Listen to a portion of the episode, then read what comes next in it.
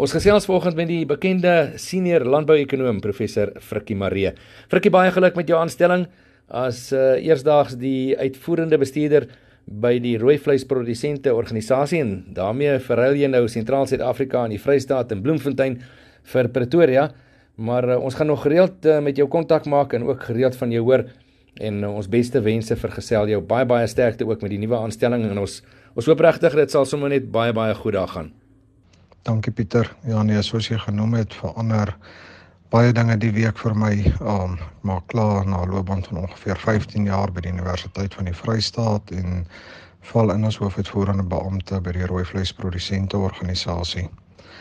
Nou ek sien baie uit na die werk wat voorlê. Um alhoewel dit ek wil sê 'n nuwe terrein is vir my om aan stuur te staan van 'n organisasie, is dit in 'n industrie wat ek baie goed ken.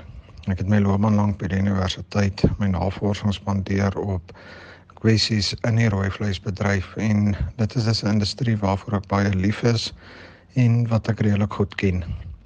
Ek dink die rooi vleisbedryf in Suid-Afrika het 'n enorme groeipotensiaal.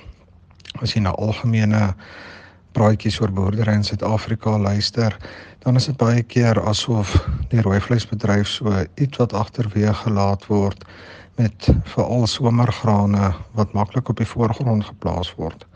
Tog as jy gaan kyk na die ekonomiese syfers, bly rooi vleis die grootste landbouindustrie. En dit is die meeste van die jare so behalwe dalk in jare wat ons oorvloedig reën kry en hy bietjie verbygesteek word. Maar oor tyd is die rooi vleisbedryf die grootste landbouindustrie in Suid-Afrika. Ek dink ons is in 'n tydperk waar die rooi vleisbedryf besig is om te verander. Ons is reeds besig in die nuwe statutêre heffingsperiode en ek dink die statutêre heffing word nou heel wat beter aangewend om tot voordeel van primêre produsente dwarsdeur voerkrale tot abattoirs 'n verskil in die industrie te maak. Ons is in 'n tyd waar ons nou beslis weet wat die invloed van back and closure is en waar ons hard dryf na naspeurbaarheid en ook nuwe uitvoermarkte.